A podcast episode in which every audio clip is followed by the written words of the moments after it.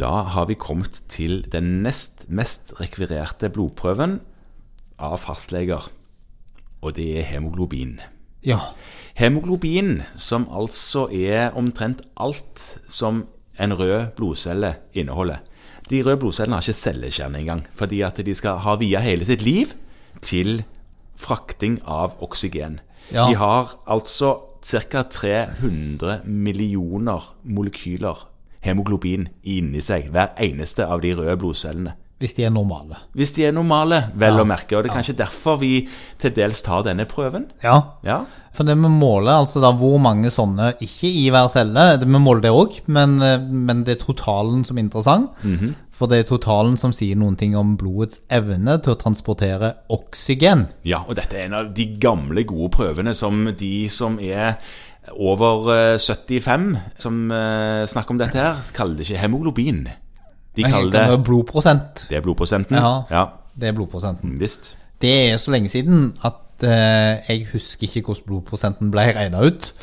Nei, eh, det er tabeller. Jeg har en sånn tabell liggende fordi jeg har noen som insisterer på å få dette oppgitt som blodprosent. Ja. Eh, det artige er jo at noen har jo over 100% i blod. Det betyr ikke at eh, det lekker ut. Eh, Men eh, Nei. det er bare det at eh, 100% er satt til en verdi som hemoglobin som de har over. Ja.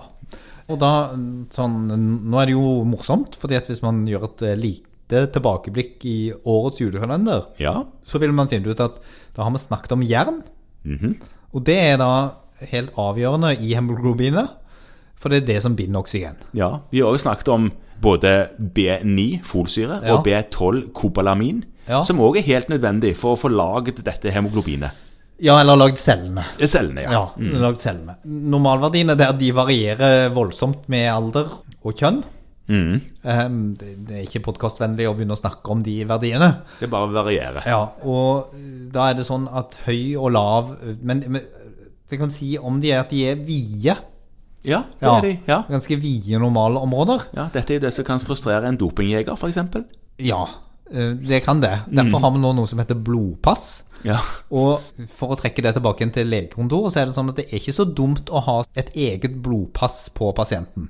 Nei. For hvis du har en godt voksen mann som du har målt hemoglobin på noen ganger av forskjellige årsaker, Ja.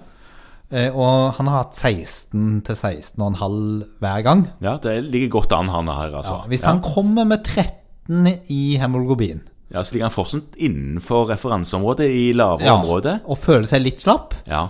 så har han hatt et mye, mye større fall i sin hemoglobin enn en som lå på 13 i utgangspunktet og har falt til 12. Åpenbart. Ja. Ja. Han som går fra 13 til 12, går altså da fra normal til unormal prøve. Men merker det kanskje ikke? Trenger ikke bety sykdom i det hele tatt. Nei. Han som har gått fra 16,5 til 13 derimot, han må du sjekke opp. Selv om han ligger innenfor referanseområdet på begge prøvene sine. Sånn at det å ha et lite blodpass, og det er jo dette blodpasset til disse dopingjegerne gjør, de ser på variasjon i HB over tid. Det tas i sånn EDTA-blod, fullblod. Du kan heller ikke måle hemoglobin i, i plasma. Nei. Eh, Det blir eh, dårlige greier. Ja. Og det brukes da for å sjekke for blodmengde. Altså sjekk om du har anemi, eh, om du har for lite blod. Og når du sier blod, så er det egentlig de røde blodcellene du snakker om. Det er alltid de vi egentlig interesserer oss i da. Altså. Ja. Eller om du har for mye. Det finnes noen tilstander som gir for mye, altså da i all hovedsak hemokromatose og polycystemia vera. Ja. Ja. Ja. Mm, helt riktig det. Det er vanskelige navn, men eh, da har du for mye røde blodceller. Da har du for mye røde blodceller. Ja. Sånn at utover det så er det ikke så veldig mye vi bruker denne prøven til, men fordi den er så sentral i så mange sykdommer, Ja. og fordi den ligger på en måte som en sånn grunnpakke i all undersøkelse, Mm. så kommer den veldig ofte med, og det er klart at det å hvert fall være Det er en billig prøve. Ja. Det er en billig prøve, og det som å være sikker på at du har nok blod, Ja. en sånn greit utgangspunkt for videre diagnostikk ved veldig mange tilstander. Og i, i tillegg da, til å være på andreplass, så er jo dette òg en prøve veldig mange legekontor rekvirerer sjøl lokalt. Ja, og tar på apparater, og da er det også da å si at noen av disse apparatene har ganske stor variasjon. Mm. Intern variasjonskoeffisient i, i apparatet, det Ja. skal man være obs på. Ja. Prøven sånn biologisk har ikke så veldig stor variasjonskoeffisient. Nei. Så tallet er variasjonskoeffisienten er på 3,1. Ja, det var jo ganske finslig. Det er veldig finslig, og eh, de fleste sånn store laboratorier, de har lav analytisk eh, variasjon, Ja.